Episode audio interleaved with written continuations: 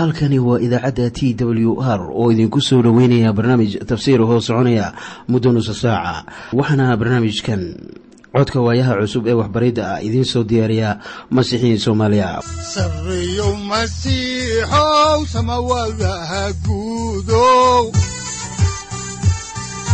Siraadkii adduunkow subanaha eebow sareyow masiixow samawadaha guudow siraadkii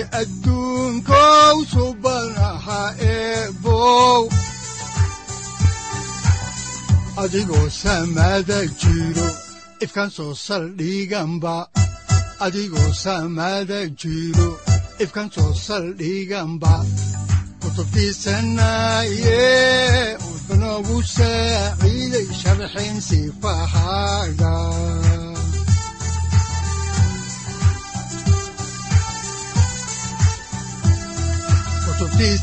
kutubtiisinayow ebnagu saaciid sharxin sifahaaga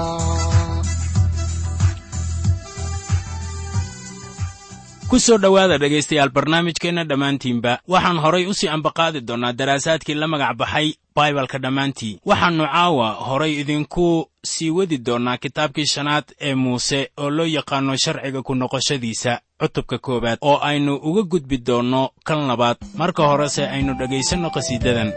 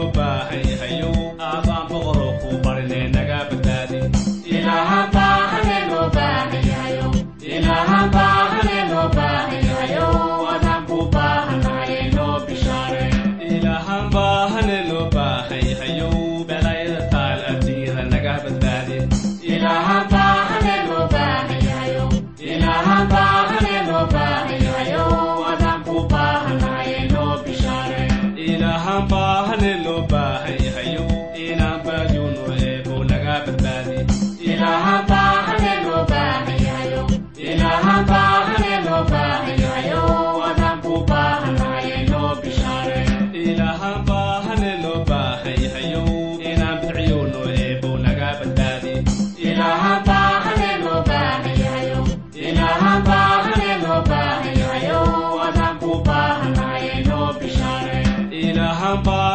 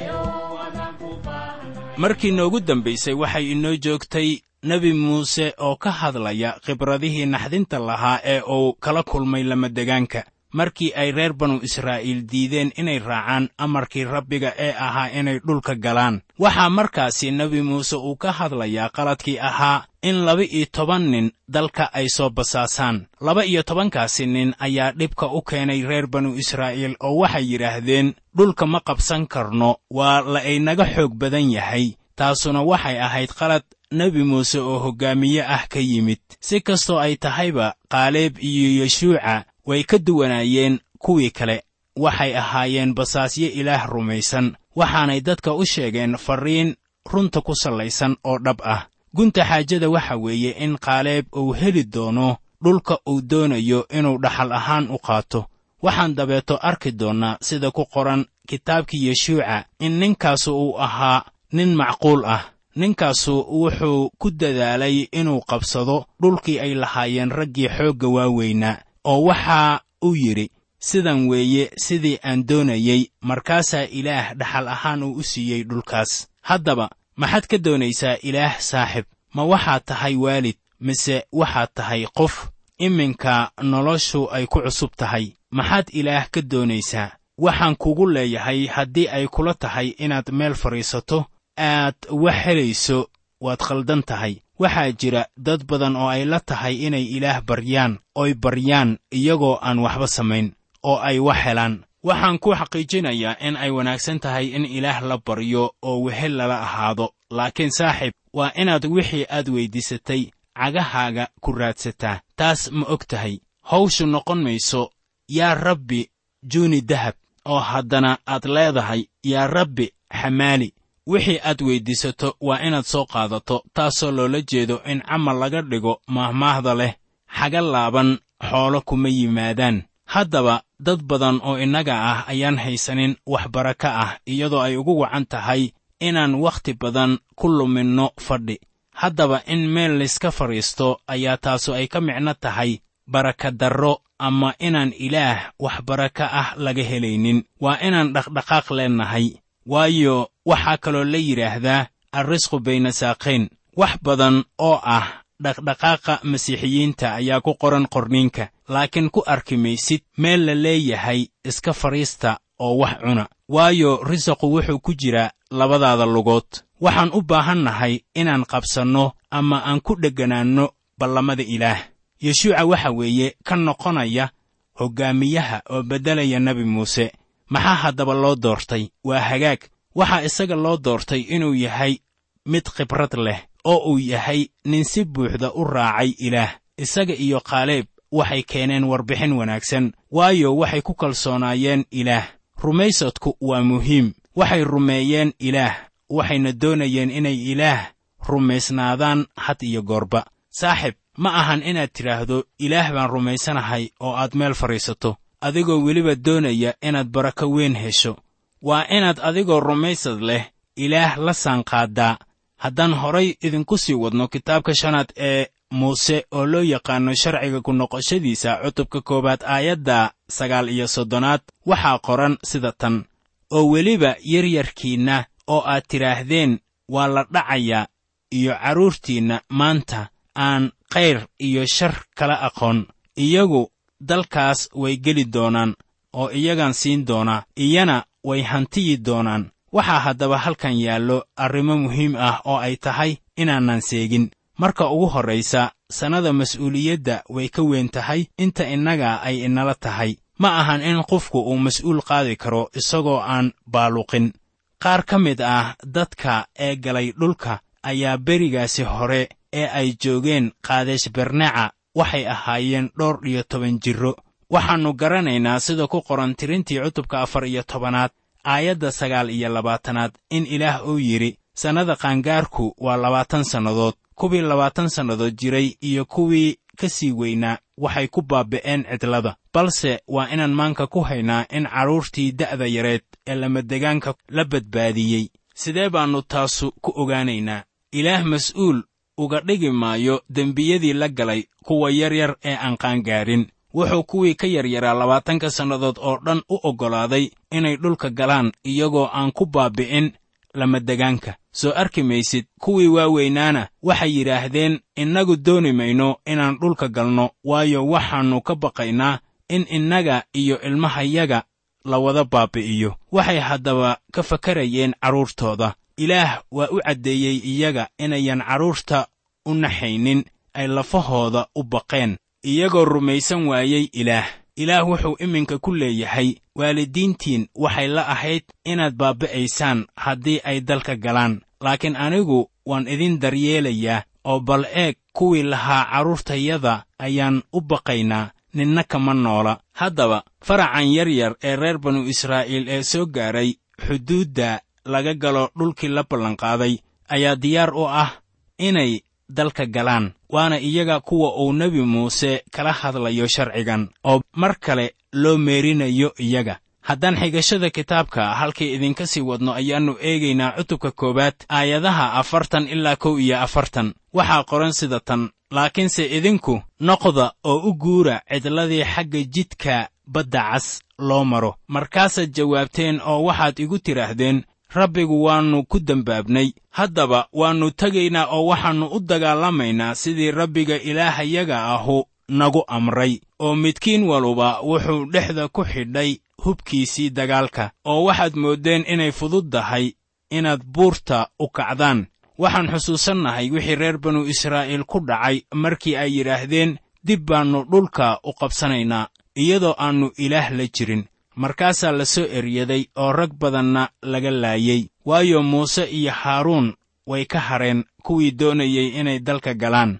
Kadib markii ay garteen inay ka soo hor jeedaan cadowgooda oo haddana ay dib u noqdaan ayaa waxay goosteen mar kale inay dib ugu noqdaan deegaannadoodii haddaan horay idinku sii wadno xigashada ayaa aayadda afartan iyo labaad ay leedahay. Markaasaa rabbigu igu yidhi waxaad iyaga ku tidhaahdaa kor ha u kicina hana dagaalamina waayo anigu idinkuma dhex jiro. Haddii kalese waxaa laydinku layn doonaa cadaawayaashiinna hortooda. Haddaba waxaan idiin sheegayaa in la qaado dagaal aan ilaah idinla jirin ayaan wanaagsanayn. Sababtaa ay u dagaalamayeen wakhtigaasi ma ahayn oo keliya inaanay ilaah rumaysnayn laakiin way cabsanayeen waxay eegayeen cabsida hortaal laakiin ma ayan eegaynin kalsoonnida rabbiga waxaana saaqay cabsi laakiin ma ahayn rumaysadka ilaah.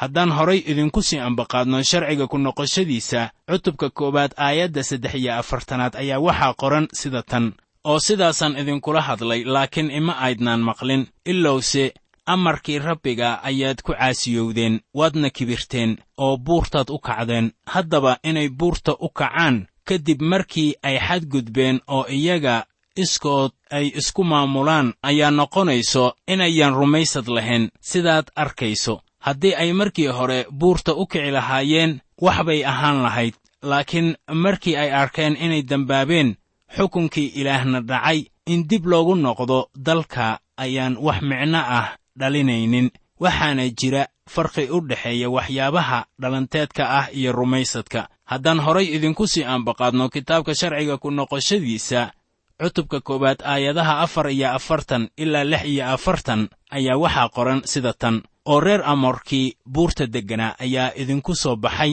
oo idiin soo eryaday sida shinnida oo waxay idinku jebiyeen siciir iyo tan iyo xormaah markaasaad soo noqoteen oo rabbiga hortiisa ku oydeen laakiinse rabbigu codkiinna ma uu maqlin dhegna idinma uu dhigin.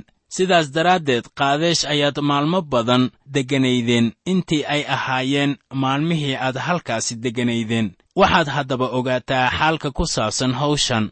Waxay hor yimaadeen rabbiga oo weliba way ooyeen. Waxayna u ooyayeen dembiyadii ay sameeyeen waana toobad keeneen. Haa laakiin toobadkeen ceenkee ah? Bal dhegayso waxa rasuul bawlos uu ka leeyahay xaalkan. Markaannu eegayno warqaddii labaad ee rasuul bawlos uu u qoray dadka korintos cutubka toddobaad aayadda tobanaad. Waxaa qoran sida tan maxaa yeelay caloolxumaanta ah sida ilaah doonayo waxay keentaa toobadda xagga badbaadada ee aan laga qoomamayn. Laakiin caloolxumaanta dunidu waxay keentaa dhimasho. Haddaba ma waxay ka ooyeen inay ilaah addeeci waayeen. Maya waxay u ooyeen waxay ahayd in reer amoor ay soo eryadeen. Guuldarradoodii ayaa sabab u ahayd oohintooda. Waxaad garanaysaa haddii tuug la qabto sida uu u ilmeeyo laakiin bal in yar sug wuxuu u ooyo waxa weeye qabashadii la qabtay aawadeed. Waxaana taasi la mid ah oohinta iminka halkaasi ka yeedraysa waxay u ooyayaan waxa weeye inay garteen inaannu ilaah la jiraynin haddii ay qushigooda dagaal ugu baxaan. Iminkana waxaannu soo gaarnay cutubka labaad ee kitaabka sharciga ku noqoshadiisa waxaana mawduuciisu uu ka kooban yahay hal maaddo. Waxaana weeye sidii ay reer banu israa'iil ugu dhex lugaynayeen lamadegaanka waxaa markaasi horay u sii soconaya qisadii nebi muuse uu ugu sheegayey faracan cusub dhibkii ka qabsaday iyo khibradihii laga helay markii lagu dhex socday lamadegaanka kadib markii ay reer banu israa'iil dib uga noqdeen qaadeesh barnaca ayay ku laabmeen buur siciir. Haddaan qorninka ka eegno ayaa waxaa ku qoran cutubka labaad aayadda koowaad sida tan. Markaasaynu noqonnay oo waxaynu u guurnay cidladii ku tiilay jidka badda cas loo maro. Sidii rabbigu igu amray oo in maalmo badan ah baynu ku warwareegnay buur saciir waxaan u malaynayaa inay tahay wax maadays u noqonaya dadka qaar marka aad eegto sida ay ugu wareegaalaysanayeen dhulkaas. Haddaan horay idinku sii ambaqaadno kitaabka sharciga ku noqoshadiisa cutubka labaad aayadaha labo ilaa saddex ayaa waxaa qoran sida tan. Markaasaa rabbigu ila hadlay oo wuxuu igu yidhi idinku buurtan wakhti dheer baad ku wareegayseen. Haddaba xagga waqooyi u leexda soo arki maysid iyagu ma ayan aqoonin meesha ay aadayaan. Waxa ay samaynayeen waxay ahayd uun inay buur saciir ku warwareegaan. Markaasaa ilaah uu ku yidhi ugu dambayntii war meeshan mar waliba ayaad maraysaane xagga waqooyi u leexda. Mararka qaar waxaa taasi la mid ah noloshayada. Waannu iska soconnaa oo jiha aan ka nimid iyo jiha aan ku soconno garan mayno waxaana loo baahan yahay in ilaah la baryo si uu tubta toosan inoogu hoggaamiyo haddaan horay idinku sii wadno kitaabka ayaannu waxaan idinka sheegaynaa kitaabka sharciga ku noqoshadiisa cutubka labaad aayadaha afar ilaa shan sida tan. Oo adigu waxaad dadka ku amartaa oo aad ku tidhaahdaa idinku waxaad dhex martaan soohdinta walaalihiin reer ceesow. Oo siciir deggan. Oo iyana way idinka cabsan doonaan. Haddaba si wanaagsan u digtoonaada hana la diririna waayo dalkooda idinka siin maayo xataa intii cagta la saaro. Maxaa yeelay buur siciir hanti baan u siiyey reer ceesow. Haddaba waxaa inta yaalla shay kale oo innaga muhiim inoo ah inaan baranno. Haddaan dib ugu noqonno kitaabka bilowgii cutubka lix iyo soddonaad ayaannu baranaynaa in reer ceesow ay ku noolaayeen buur saciir waxaana reer ceesow loo yaqaannaa qabiil ahaan reer edom yacquub oo ahaa ceesow walaalkiisa baa beri curradnimadii uga iibsaday fuud maraq ah. Waxaana yacquub la siiyey dhulkii dhaxal ahaanta uu ceesow u heli lahaa ee loo ballanqaaday isxaaq iyo ibraahim. Reer ceesowna waxaa la siiyey buur siciir oo ay mulki u lahaayeen. Ilaahna xuduud buu u yeelay reer ceesow waxaa halkan yaalla cashar ay leeyihiin qaramada. Ilaah baa xuduudo u yeelay qaramada falimaha rasuullada cutubka toddoba iyo tobanaad aayadda lix iyo labaatanaad. Ayaad ku arkaysaa dagaallo badan ayaa waxaa dhalaya iyadoo aan la xurmaynaynin xuduudaha ama seeradda ilaah uu u dhigay qaran waliba. Haddaan horay idinku sii wadno xigashada kitaabka ayaannu haatanna eegaynaa cutubka labaad aayadda toddobaad. Waxaa qoran sida tan waayo rabbiga ilaahiinna ahu waa idinku wada barakadeeyey shuqulkii gacantiinna oo dhan oo isagu wuu yaqiin socodkiinnii aad cidlada soo dhex marteen. Afartankan sannadood ayaa rabbiga ilaahiinna ahu uu idinla jiray oo waxba uma aydnaan baahan. Waxaa halkan loogu sheegayaa aragtida guud ee afartankii sannadood. Ilaah wuu garanayay jidka ay marayaan iyo dhibaatadooda waayo ilaah wuu la socday ilaa iyo sannadadaas. Nebi muuse wuxuu odhan karay wax idinka maqnaa dad yahow ma leh.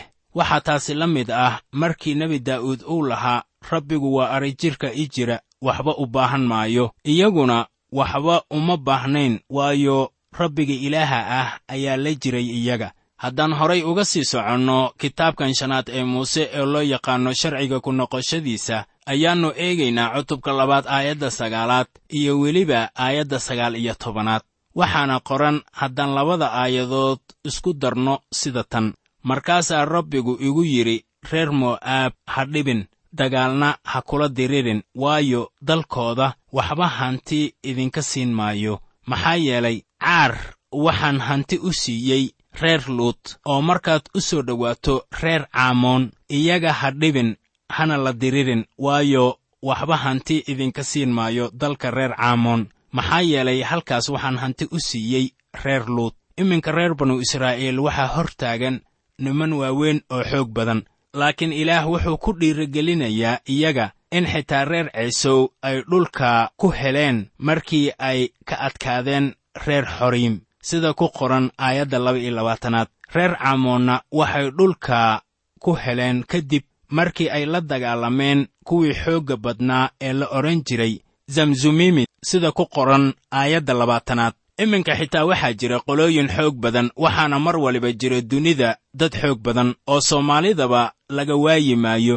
Waxaan iminka soo gaaray maaddada qusaysa qabashadii daanta galbeed ee webiga jordan. Haddaan horay idinku sii wadno xigashada kitaabka ayaannu eegaynaa kitaabka sharciga ku noqoshadiisa cutubka labaad aayadaha afar iyo labaatan ilaa sagaal iyo labaatan waxaana qoran sida tan haddaba kaca oo guura oo waxaad u gudubtaan dooxada arnon. Bal eeg waxaan gacantaada soo geliyey boqorka xeshboon oo siixoon ah oo reer omor iyo dalkiisaba. Haddaba waxaad bilowdaa inaad dalka hantidaa oo aad isaga la dagaalantaa maanta waxaan bilaabayaa inaan cabsidaada iyo bakdintaada ku soo dejiyo dadyowga samada ka hooseeya oo dhan oo waxay maqli doonaan warkaaga. Kolkaasay giriiri doonaan oy kaanixi doonaan oo anigu waxaan cidladii qadamood uga diray boqorkii xeshboon oo siixoon ahaa wargeeyayaal hadalla nabadeed sida oo waxaan ku idhi dalkaaga aan dhex mare waxaan iska marayaa jidka weyn oo u leexan maayo xagga midigta iyo xagga bidixda toona. Waxaan cuno lacag igaga iibso oo biyaha aan cabana lacag iga siiso. Haddaba waxaa keliyahoo aad ii yeeshaa inaan dalka cagahayga ku dhex maro oo ii yeel siday ii yeeleen reer ciisow oo deggan buur siciir iyo reer mo'aab oo deggan caar. Ilamaa aan webi urdun uga gudbo dalkii rabbiga ilaahayaga ahu na siinayo wax baa ka dhacay. Qisadan wacan ee reer banu israa'iil habeenka xiga ayaannu halkii ka sii wadi doonnaa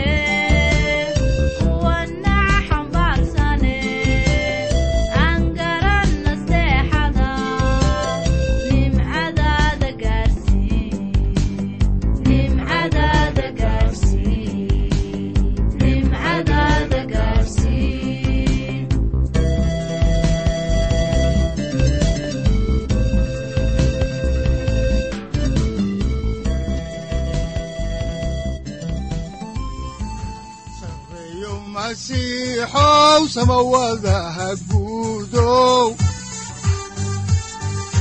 siraadkii adduunkow subanaha eebow adigoo samada jiro ifkan soo saldhiganba adigoo samada jiro ifkan soo saldhiganba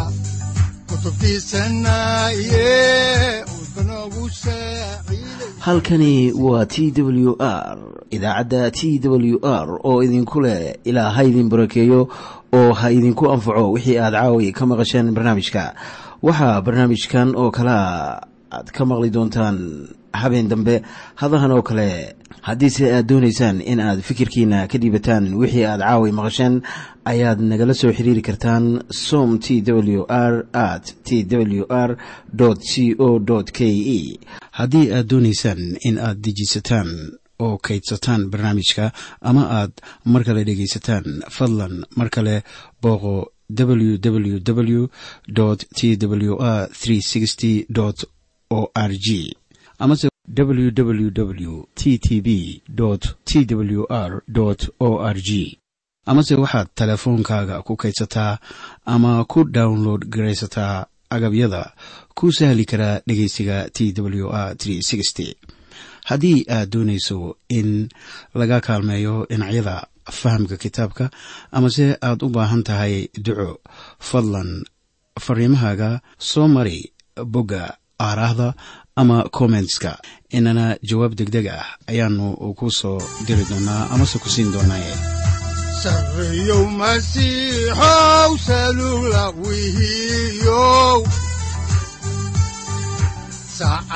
timid dhulka sabada ku dhalatiyo